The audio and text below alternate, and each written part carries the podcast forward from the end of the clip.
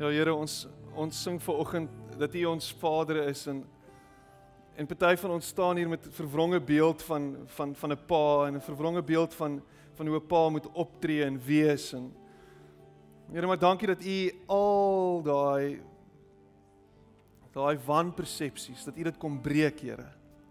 Dat U kom ver oggend en dat U ons toefou in die liefde. Dat U ons herinner daaraan dat dat U nie kwaad is vir ons nie dat U ons liefhet, dat U genadig is, dat U Here een is wat wat vergewe. Here dat U ons vryspreek en dat U ons met oop arms inwag, Here. U staan elke dag en U kyk en kyk oor die vlakte uit en U wag dat ons terugkom na U toe, Here. Here, niks wat ons ooit gedoen het is is so groot dat U hier rug op ons sal draai nie. Niks wat ons ooit gedoen het is so verskriklik, Here, dat dat U ons nooit sal vergewe nie. Here, U kom en U U vou ons toe vir oggend. U nooi ons uit en sê hier is ek. Kom na my toe. Kom na my toe. Kom na my toe. Jy's welkom. Jy's veilig. Jy kan tuis wees hierso. Dis waar ek jou wil hê is in my arms. Dankie vir u groot groot liefde, Here. Dankie dat jy by elkeen van ons stil staan.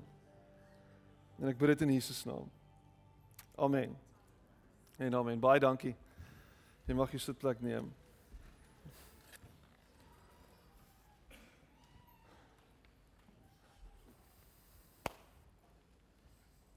Hoe gaan dit ver oggend? Gaan dit goed?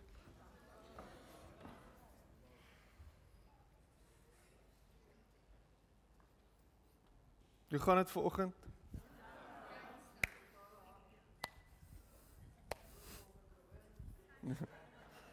Apparently die Springbokke gewen. So dis wonderlik, wonderlike nuus. As jy van rugby hou, is dit great. Um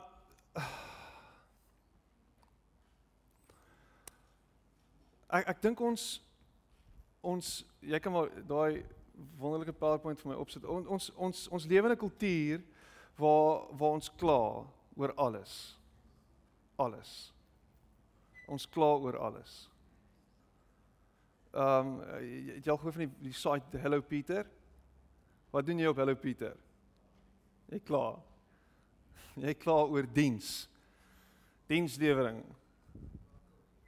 Ehm um, jy kan ook nie hier kla oor die diens nie want daar is geen diens nie. Baie mense se opinies. Ehm um, en en en wat wat ons doen is ons is heeltyd besig om foute te soek. Ons is heeltyd besig om te kyk na wat fout is.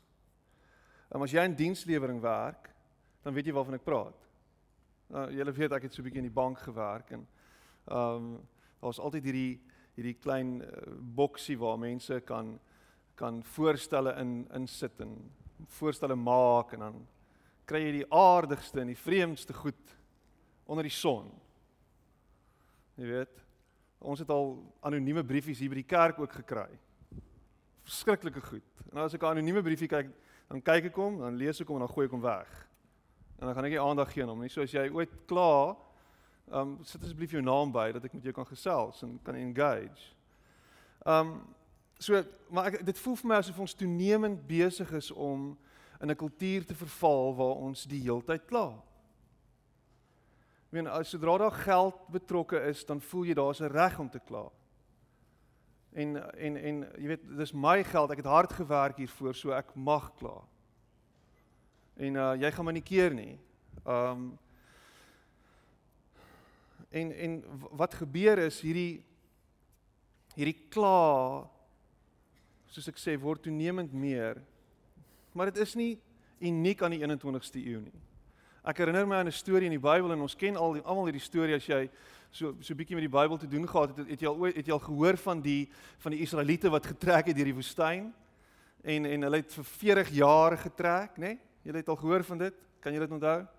40 jaar trek hulle deur die woestyn en eintlik was dit 'n baie kort 'n kort reis gewees wat hulle kon aflê, maar vir een of ander rede het dit 40 jaar gevat en as jy gaan gaan sien hoekom dit 40 jaar gevat het dan dan besef jy dit is eintlik omdat hulle so onvergenoegd en ondankbaar en en negatief was. Hulle het oor alles gekla. Ek meen God stuur 10 pla in Egipte in om vir Farao te oortuig daarvan dat hy God is en vir hom te kom wys wie hy is en dat hy groter as Farao is. Verskriklike goed wat gebeur. Die Israeliete neem kennis van dit. Hulle is getuies van van God se grootheid en sy sy almag. Ek meen hulle vlug as ware later uit Egipte uit en daar word hierdie Rooi See pad vir hulle oopgemaak. Die hele weermag van die van die Egiptenare word verswelg en hulle verdrink um, God voorsien vir hulle in die in die woestyn deur al hele 40 jaar. Daar's water wat uit klippe uitkom, daar's manna wat reën uit die hemel uit, daar's kwartels wat hulle self oorgee soos ware KFC buckets en en en en en, en hulle word Hulle word hulle word oor oorlaai met God se goedheid en guns. As jy verder gaan lees, as jy sien, hulle klere het nie eens versluit nie. Hulle skoene het nie deurgeloop nie. Maar hulle kla oor alles. Hulle moan oor alles. And they said to Moses, and ons sien hier in Exodus 14 vers 11 tot 12. They said to Moses, "Was it because there were no graves in Egypt that you brought us to the desert to die? What have you done to us by bringing us out of Egypt? Didn't we say to you in Egypt, leave us alone, let us serve the Egyptians?" It would have been better for us to serve the Egyptians than to die in the desert. Ek sal eerder 'n slaaf wees wat nie aan myself behoort nie. Ek sal eerder my lewe gee vir iemand anderste wat my elke dag gevange hou, wat met my enigiets kan doen want ek is sy stuk eiendom. Ek sal eerder leef in hierdie gevangenskap as wat ek vry sterf in 'n woestyn. Hoekom het jy ons vrygemaak? Hoekom het jy ons uitgebring uit die woestyn uit? Ek meen, hoor jy die logika van hierdie mense? En ek wonder as ek en jy dink oor ons eie lewens, in hoe mate is ons lewens nie eintlik maar verweef in daai selfde ding waarin die Egiptenare hulle self gevang het nie, bevind het nie. Ons is vrygemaak in Jesus Christus. Ons is vrygespreek deur die bloed van die lam. Ek meen die grootste grootste offer ooit in die geskiedenis van mense heugenis word vir ons gedoen. En wat ons doen is ons kyk na alles wat ons nie het nie. En ons kla oor dit die hele tyd hierdie is hierdie is 'n baie mooi reaksie van Moses. Moses se leierskap word bevraagteken. Moses word word uh, op die spot gesit en hy sê die volgende. Hy sê in in, in Eksodus 16 vers 8 sê hy hy sê you are not grumbling against us. Sê you are not grumbling against us but against the Lord. You are not grumbling against us but against the Lord. Dink 'n bietjie hieroor. En jy op pad hiernatoe vanoggend het jy gekla. Jy het die heel naweek gekla. Jy was in die Spur gister gewees en die waiter was useless. En wat doen jy? Jy roep die bestuurder. Ek moet net vir jou sê, Sunny en Pietie. Oh, terrible waiter. Die kos, koud. Die diens. Oh, uh, uh, nooit weer nie.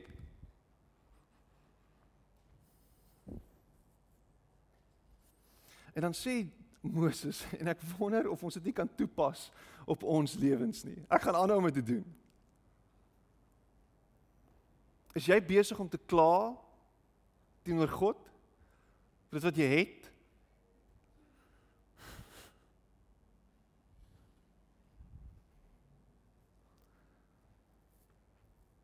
Waaroor in jou lewe is jy besig om die meeste te kla?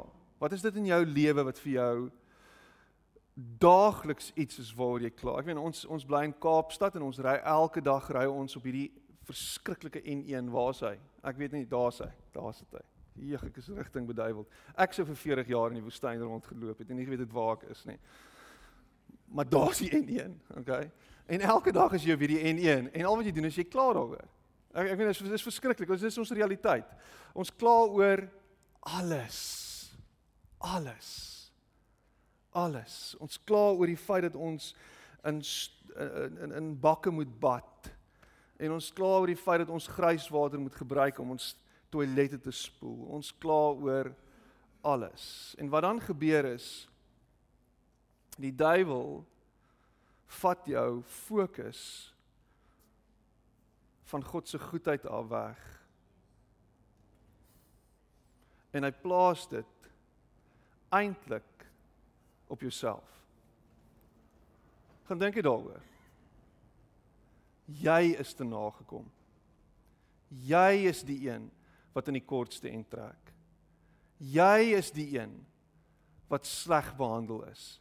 Jy is die een wat betaal. Jy is die een wat meer moet verdien. Jy is die een. Nou die, die Engelse woord is daai entitlement. Ek is hierop Ek is hier ek is ek is entitled hiervan. Hierdie is myne. Ek is geregtig hierop. Ek staan op my regte, my menseregte. Hierdie goed is myne. Alles myne.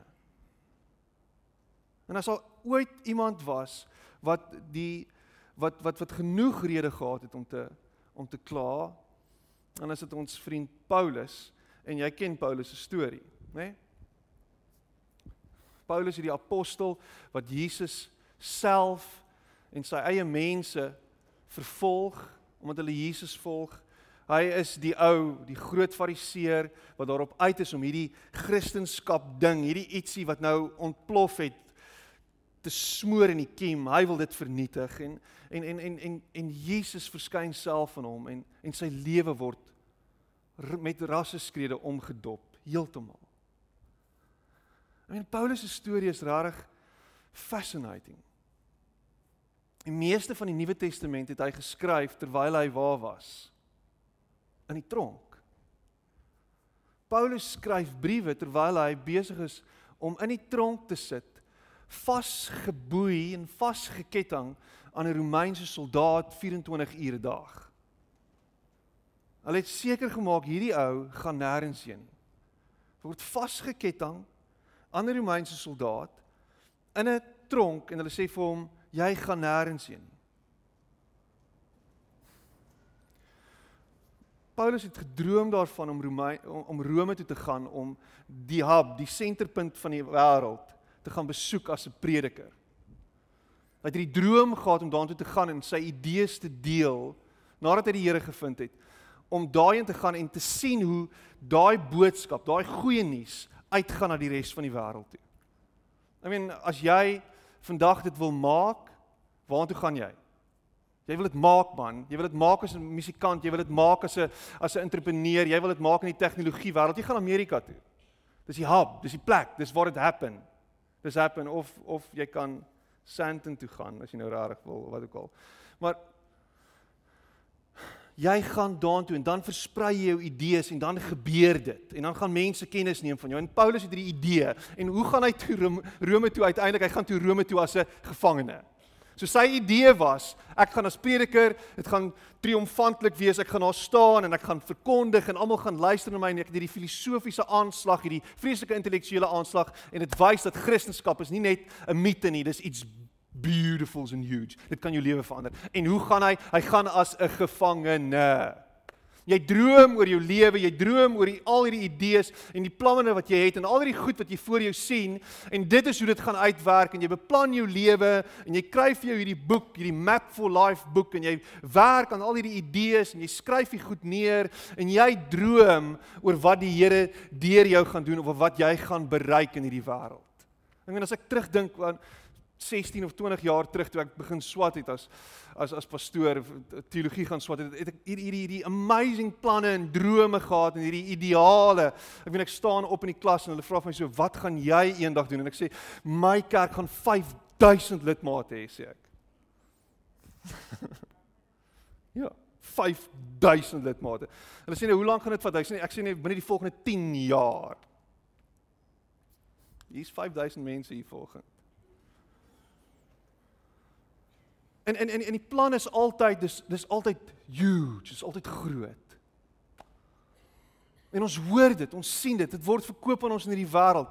Jy moet groot droom, jy moet groot dink, jy moenie klein droom nie.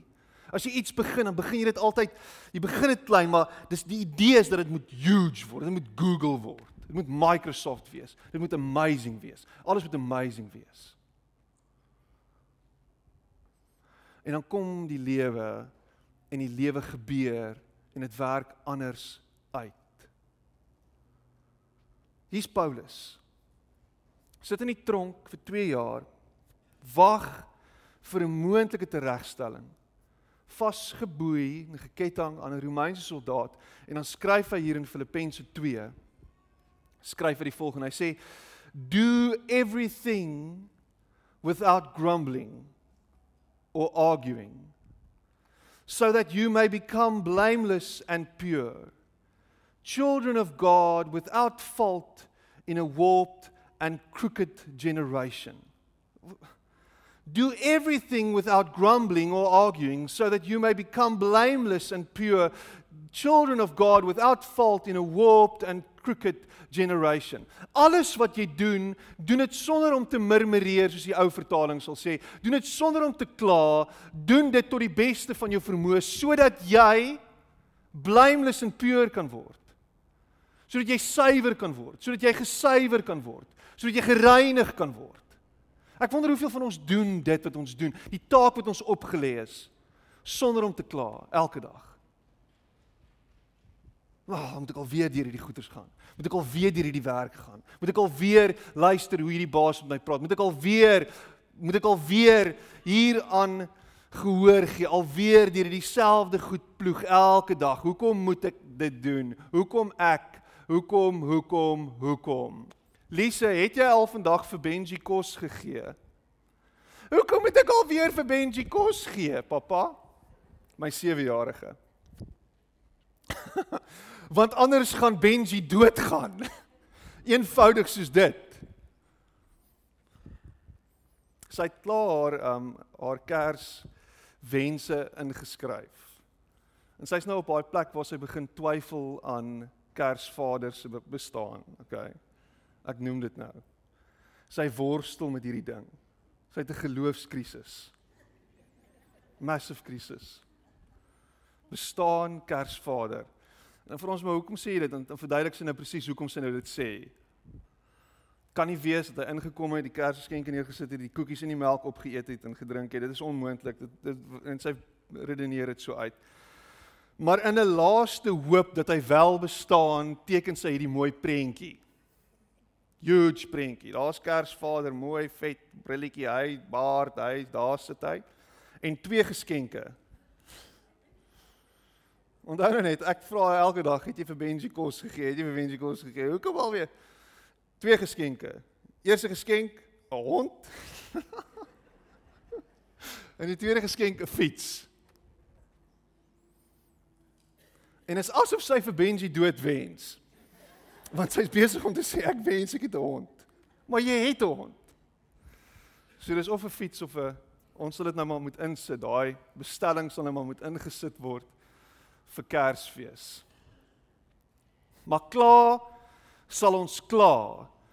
Daar's daar's 'n ou met die naam van Travis Bradbury wat die boek geskryf het Emotional Intelligence 2.0 en dan praat hy oor oor klaar. Hy sê repeated complaining hardwires the brain to do more complaining.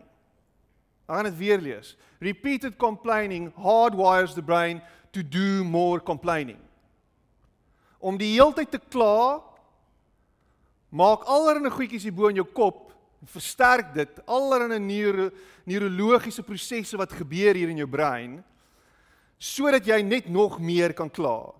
En dan wat dan gebeur is dat ons vind dit makliker om negatief te wees as positief. Dis een dit kom net meer natuurlik dan.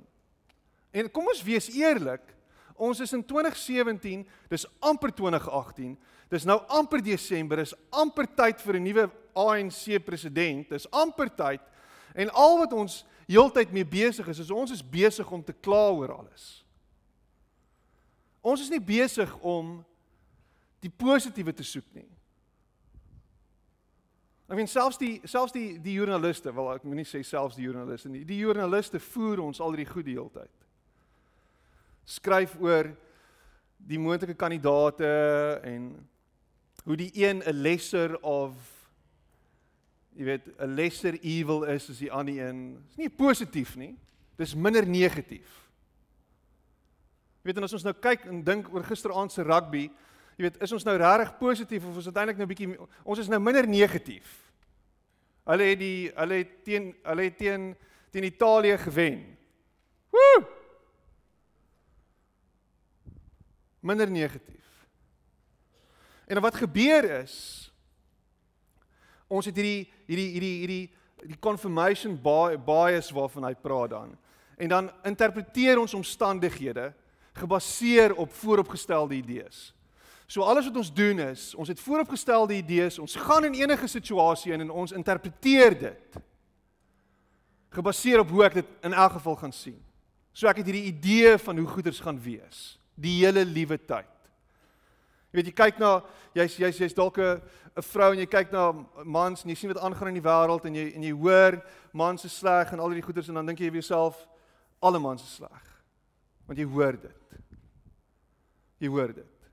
As jy 'n rasis is dan dan dan dan het jy 'n spesifieke idee oor 'n ander kleur en jy kyk na die ander kleurige en jy dink vir jouself, "Ag, oh, hulle is almal dieselfde." En jy jy interpreteer jou omstandighede heeltyd deur daai lens wat jy vir jouself create het. Jy worstel nou al 10 jaar deur dieselfde goed. Dit gaan in elk geval nie beter raak nie. Gaan in elk geval nie beter raak. Ek het 'n fascinating ding gehoor. 'n Vriend van my het na 'n hulle noem dit 'n human library toe gegaan.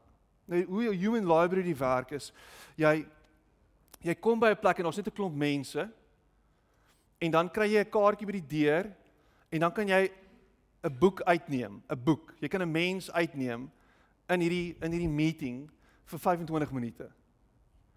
En dan kan jy gesels met hierdie persoon en alles vra wat jy wil weet oor hierdie spesifieke onderwerp want hierdie persoon is 'n is 'n is 'n is 'n meester in hierdie spesifieke lyn. en ek het hy's baie averegs en, en anders denkend en hy gaan en hy sien een van die persone wat op hierdie lys is is 'n heks. Sy's 'n heks. En hy gaan na die heks toe. Sy's 'n normale mens soos ek en jy, maar sy's 'n heks. En nou praat hy met haar oor oor klomp goeters en hy vra oor hoe werk spels en al hierdie tipe goeters, al hierdie goed wat hulle doen en hulle spreek al hierdie goed. En hy sê wat is 'n spel? En sy sê dis baie soos gebed maar sterker.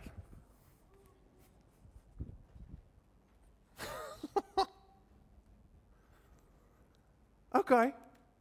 Jy is doodstil.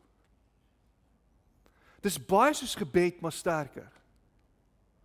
En wat ons doen is, ons sit met 'n klomp gebede wat ons al gebid het, goed wat ons al gevra het, goed wat ons al gesoek het, en wat ons doen is ons projekteer al hierdie hierdie teleurstelling terug na God toe en ons sê, "Maar hy luister in 'n geval nie.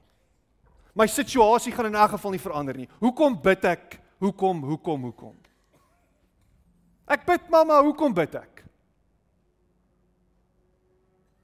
So ek dis asof ek my ongeloof onmiddellik net solidify.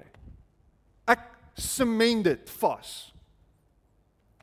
Ek is nie eers besig om na God te gaan en te sê, Here, ek hoop dat U iets vir my gaan doen nie. Is ek bid, maar ek weet dit gaan nie gebeur nie. En hierdie heks het hierdie ding in haar kop dat gebed nie werk nie. So ek moet oorgaan na magic toe. Ek moet oorgaan na toorkrag toe. Daar moet iets wees wat beter is as gebed. Kom ek sê vir jou, daar's niks beter as gebed nie. Maar jy kom na God toe met 'n verwagting wat wat wat wat sê ek is u kind. Ek is ek is pa se seun. Ek het 'n behoefte. Ek struggle, ek worstel en hier is dit. I'm laying it on you. Hier's my issues. Here en ek weier dat dit so aangaan. Dit kan nie so langer aangaan nie. Ek kan nie langer in hierdie gat wees nie. Ek kan nie langer enkel lopend wees nie. Ek kan nie langer sukkel finansiëel nie. Ek kan nie langer worstel met my verhouding met my ouers of met my kinders nie. Ek kan nie langer so aangaan nie. Here, U moet iets doen. En wat dan gebeur is die vergrootglas word baie keer op jouself gesit, want dis wat gebed doen. Gebed het so 'n manier om terug te weerkaats wie jy is en wat jy is en dan sien jy dit skielik en die Here maak jou oë oop en hy sê, "Wow, miskien is daar iets wat jy kan verander." Miskien is daar iets wat jy kan doen. Is soos is soos die paus Fransis wat praat, hy sê so hoe hoe verander ons die wêreld? Hy sê jy jy bid vir die vir die armes Jy bid vir die hongeres en dan gee jy vir hom kos. Dan doen jy iets. En ons gebede is baie keer net passiewe gebede wat net uitgeuiter word en ons sit dit daar buite. Dis airy fairy stuff. Eerder is wat dit konkrete dade van geloof is. Ons bid nie net vir mense in die hospitaal verwyderd van die hospitaal nie. Ons gaan na mense toe en ons bid vir hulle daar. Ons bid nie net vir verandering in hierdie land nie. Ons doen iets daaroontrent. Ons verander die land. Jy bring jou eie game en sê wat kan ek doen om 'n verandering te bring? Hoe lyk dit in jou omgewing? Gras staan so hoog, die rabbies lê die hele wêreld vol. Here verander asseblief ons omgewing. Hoe verander jy dit? Jy gaan tel die freaking papiere op. Jy stap rond met 'n magneet en jy tel die naalde op. Jy doen iets. Here, verander ons omgewing.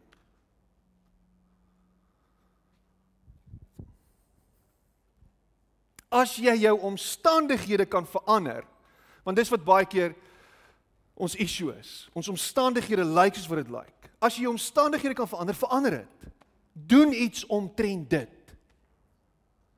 Ek is nie gelukkig by die werk nie. Hoe lank is jy nou hoe lank is jy nou al nie gelukkig by die werk nie? Oor die afgelope 5 jaar. Nou doen iets daaraan. Wat moet ek doen? Soek vir jou nuwe werk. Ja, maar ek ek ek, ek is bang vir soek vir jou nuwe werk. Hou op kla oor dit. Doen iets daaraan.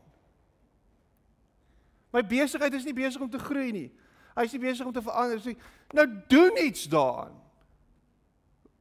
Hoekom doen jy dieselfde goeders oor en oor en oor en verwag jy 'n ander uitkoms? Dit gaan nie gebeur nie. Doen iets daaraan. Jou verhouding met jou vrou lyk sleg en dit werk net nie. Doen iets daaraan. Want ons het vol blomme gegee. Ja, blomme, blomme vrek. Dis 'n goeie punt. Dit gaan dood. Net soos jou huwelik doodgaan. Stelselmatig. Doen iets daaraan. Boek julle iewers in, gaan vir terapie. Doen iets daaraan. Jou kind haat jou. Doen iets daaraan. Nee, Here, die Here moet iets doen. Ja, die Here doen ook iets, maar doen jy ook iets daaraan? Vat hom spur toe. Koop vir hom 'n milkshake. Dit werk. Spur werk. Ek het onlangs aandele in Spur gekoop. As jou omstandighede verander kan word, doen iets daaraan. Nehemia kom en hy's in Jerusalem en die mure is afgebreek en die kinders van God is blootgestel. En wat doen hy? Hy bid nie en sê, "O, oh, die mure is stikkend en ons sit hier en ons is blootgestel aan die elemente en aan allerlei goed wat met ons kan gebeur." Hy sê, "Let's do something about it." Kom ons bou die mure. Ons herbou dit en dit vat hom 'n paar dekades. Maar hy sê, "Let's do something about it." Daar's iets wat broei in jou en jy's heeltyd wonder jy wat kan jy doen en hoe gaan jy doen iets kleins? Gee daai eerste tree. Verander jou omstandighede. Die tweede ding is so jy kan jou jy kan jou omstandighede verander as dit verander kan word. Maar daar's baie kere wat jou omstandighede nie kan verander nie. Wat doen jy dan? Jy verander jou perspektief.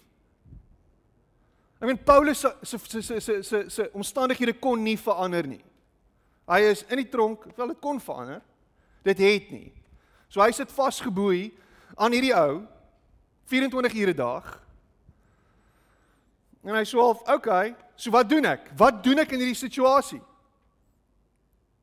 Ek verander my perspektief. Wat kan ek doen in hierdie oomblik? Paulus weer eens Filippense 2 vers 17 tot 18. Hy sê, "But even if I am being poured out like a drink offering on the sacrifice and service coming from your faith, I am glad and rejoice with all of you. So you too should be glad and rejoice with me."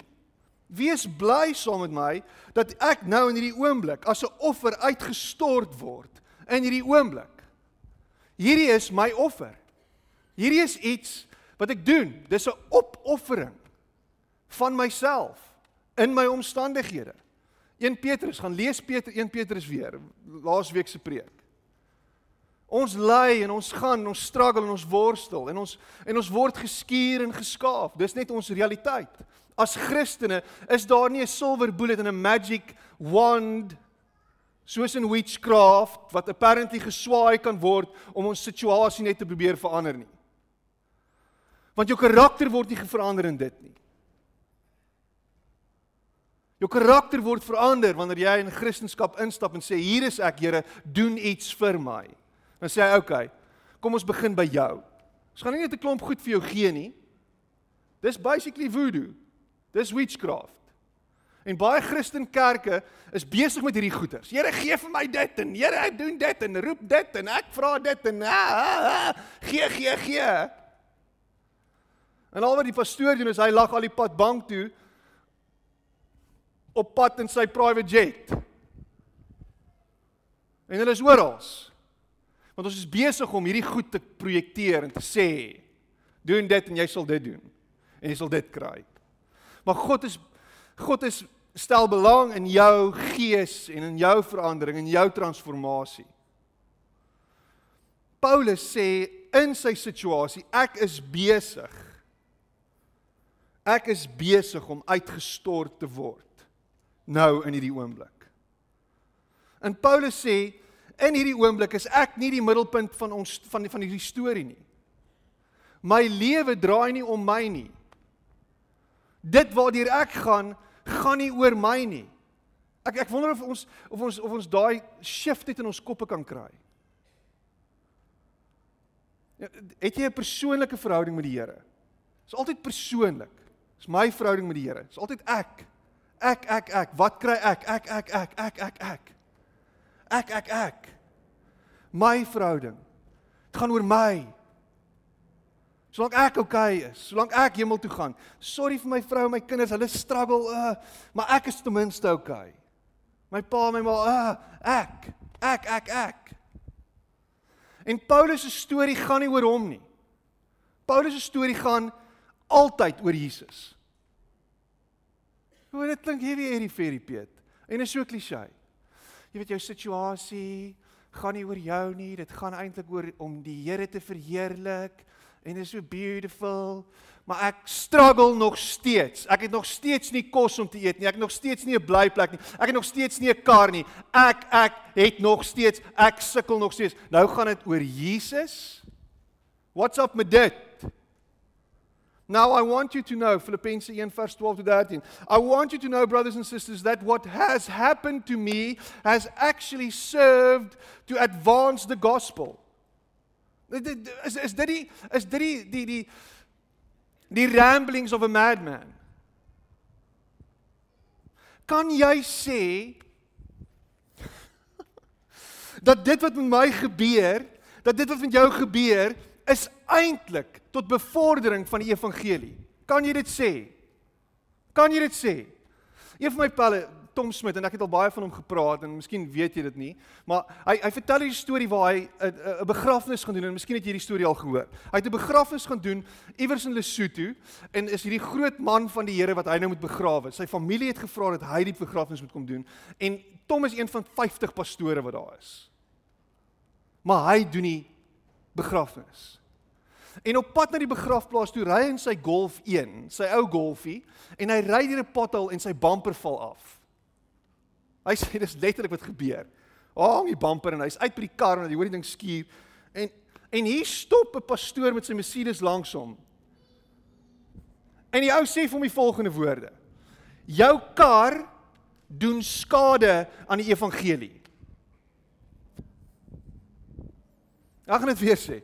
Jou kar doen skade aan die evangelie. Met ander woorde, jou kar doen afbreek aan die evangelie. Jou kar is nie 'n goeie getuienis van die evangelie want die evangelie bring jou in 'n nuwe posisie van rykdom.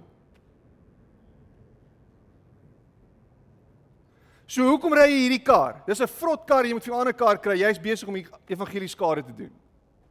Paulus sê, ek is in die tronk En hierdie tronk storie van my is besig om die evangelie regtig uit te bou. En Tom sê vir jou, ek en jy lees nie dieselfde Bybel nie.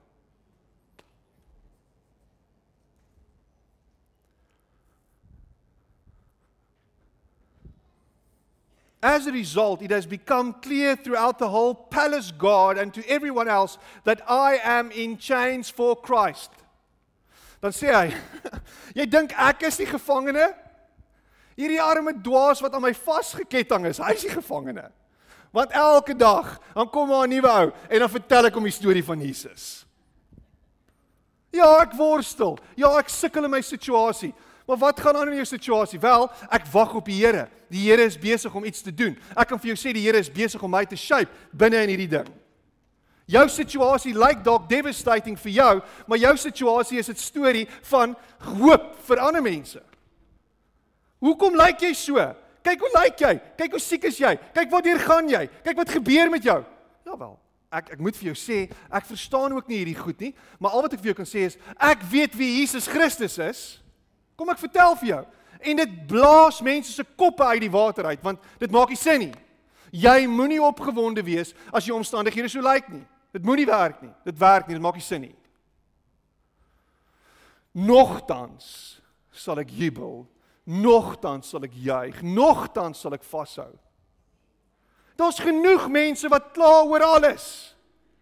Daar's genoeg mense in hierdie donker wêreld wat heeltyd moan oor al die gemors wat aangaan en daar's hoop en gemors. Soveel in Suid-Afrika reg deur die land. Daar's genoeg gemors. Ons kan dit die heel dag highlight. Jy kan heeldag dit uitwys.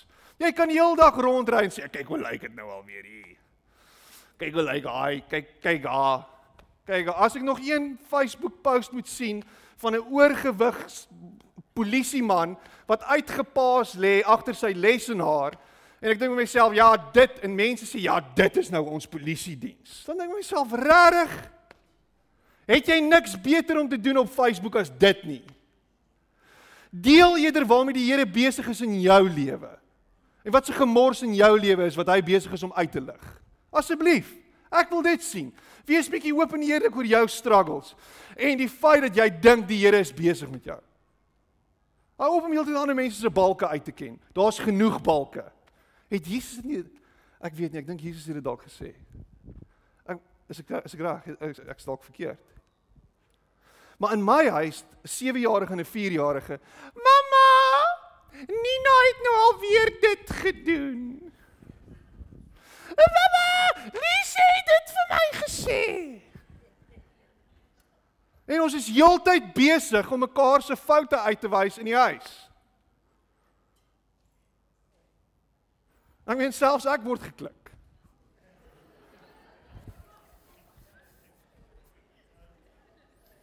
Ek gaan nie uitbrei nie. Weier. As jy platgeslaan is. As jy lê. Kom ek stel dit so. Vir Jesus is die dood nie die einde nie. Dis altyd net die begin van iets nuuts. Jy's plat, jou lewe is is tot 'n einde, die mat is onder jou voete uitgeruk en dan sê die Here, moenie worry nie. Daar's iets nuuts op pad. Dankie Here vir my situasie. Dankie Here vir hierdie vir hierdie wobbly beentjies vir my. Dankie Here dat ek hierdeur gaan want hy word verheerlik hierdeur. Hy sal verheerlik word hierdeur. Lazarus is dood. Nie waar nie? Hy is nie dood nie. Hierdie is alles tot eer van die Here. Dis alles tot eer van die Here. Moenie worry nie. Ja, dit maak absoluut sin. Lazarus is dood, is tot eer van die Here. Die Here, die Here is bly hy's dood. Nee! Dink jy die Here is bly oor jou situasie? Die Here is bly oor die toestand wat hier gaan uitkom, die beauty, die pragt, die praal, iets moois is op pad. Dis perspektief. Waaraan is jy vasgebind? Wat is jou lot? Wat is die goed waardeur jy worstel nou? Wat is die goed wat jy mee struggle? Wat is daai ding wat regtig net dit hou jou terug? Here Ek weet nie hoekom nie. Maar al wat ek wil sê is dankie. Dankie. Dankie. Selfs as ek hierdeur gaan. As jy jou jou omstandighede kan verander, verander dit. As jy nie kan nie, verander jou perspektief. Verander jou uitkyk. Ek fokus nie op wat ek nie het nie. Ek ek is dankbaar vir wat ek het. In die week stuur iemand vir my SMS. Hy sê vir my: "Dankie dat jy die hele tyd my forceer om te gaan dink oor my dankbaarheid." Waarvoor is jy dankbaar vandag?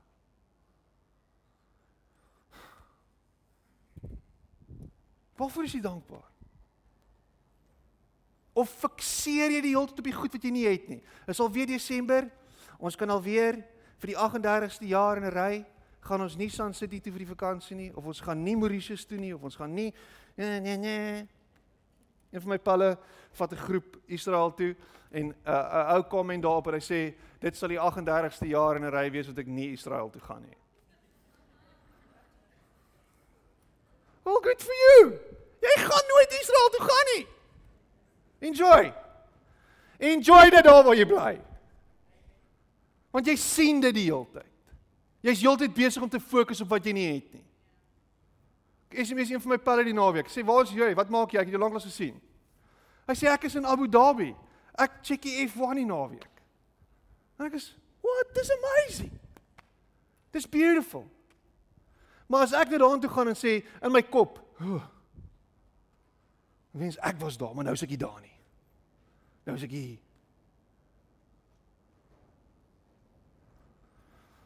Ek is dankbaar vir wat ek het.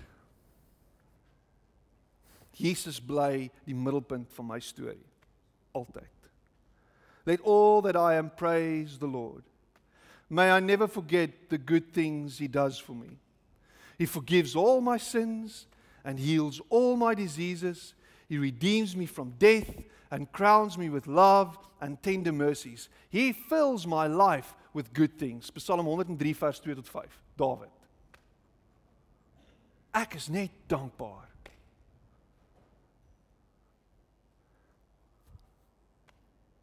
Daar is wetenskaplike bewyse dat dankbaarheid jou brein net soos negativiteit, net soos kla, jou brein rewire, herwire. Dit gaan 'n stretch wees vir jou want jou lewe lyk dalk baie moeilik, dinge is taaf, maar is jy dankbaar midde in dit? Kyk wat die Here vir jou doen. Miskien is jou lewe moeilik. Jy kan kies gaan jy klaar daaroor of gaan jy vir die Here sê Here leer my vorm my skaaf my skuur my en ek sien uit na die toekoms. Ek sien uit na die verandering wat kom. Ek sien na die uitkoms uit. Ek sien ek sien na die nuwe lewe sien ek uit. Here ek sien uit na wat u vir my beplan. Wat spreek jy? Spreek jy lewe of spreek jy dood? Spreek jy oorvloed of spreek jy tekort? Oorvloed of tekort? Ek het nooit genoeg tyd nie. Ek het nooit genoeg dit nie. Ek het nooit genoeg dat nie. Of ek het wat ek nodig het. Ek het genoeg. Ek is oorweldig deur liefde vir die mense wat rondom my is ten spyte van dit waartoe ek gaan.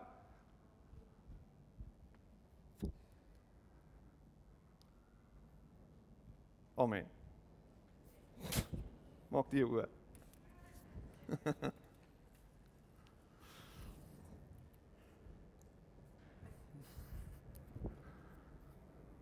Ek wil saam met jou bid. Het jy gebed nodig vanoggend? Steek op jou hand.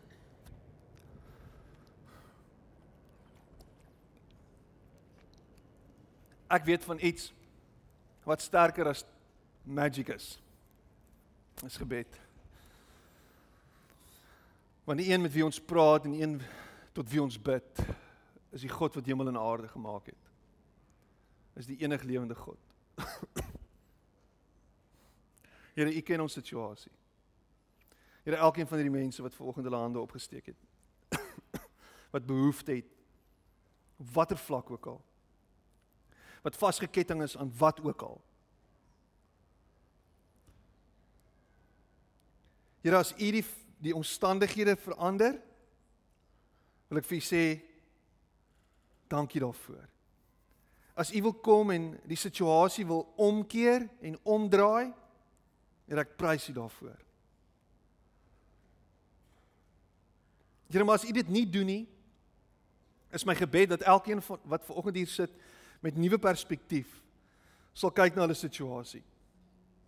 Sal sien waarmee U besig is. What are you up to, Lord? What are you busy with in my life at this very moment? What are you doing? Who do you want me to become? Shape me.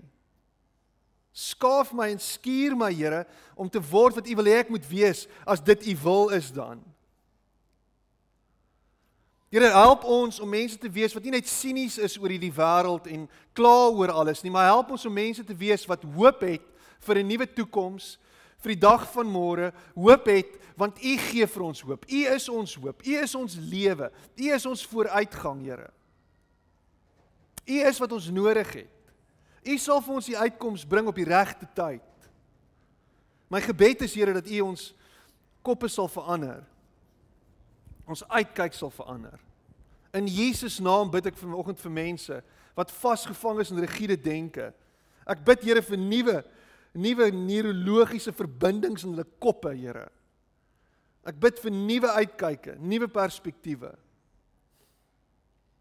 En daar waar mense groot groot courage nodig het om om veranderinge te maak. Ek bid Here dat U hulle sal help deur die genade om veranderinge te maak. Ek bid dit in Jesus naam. Amen.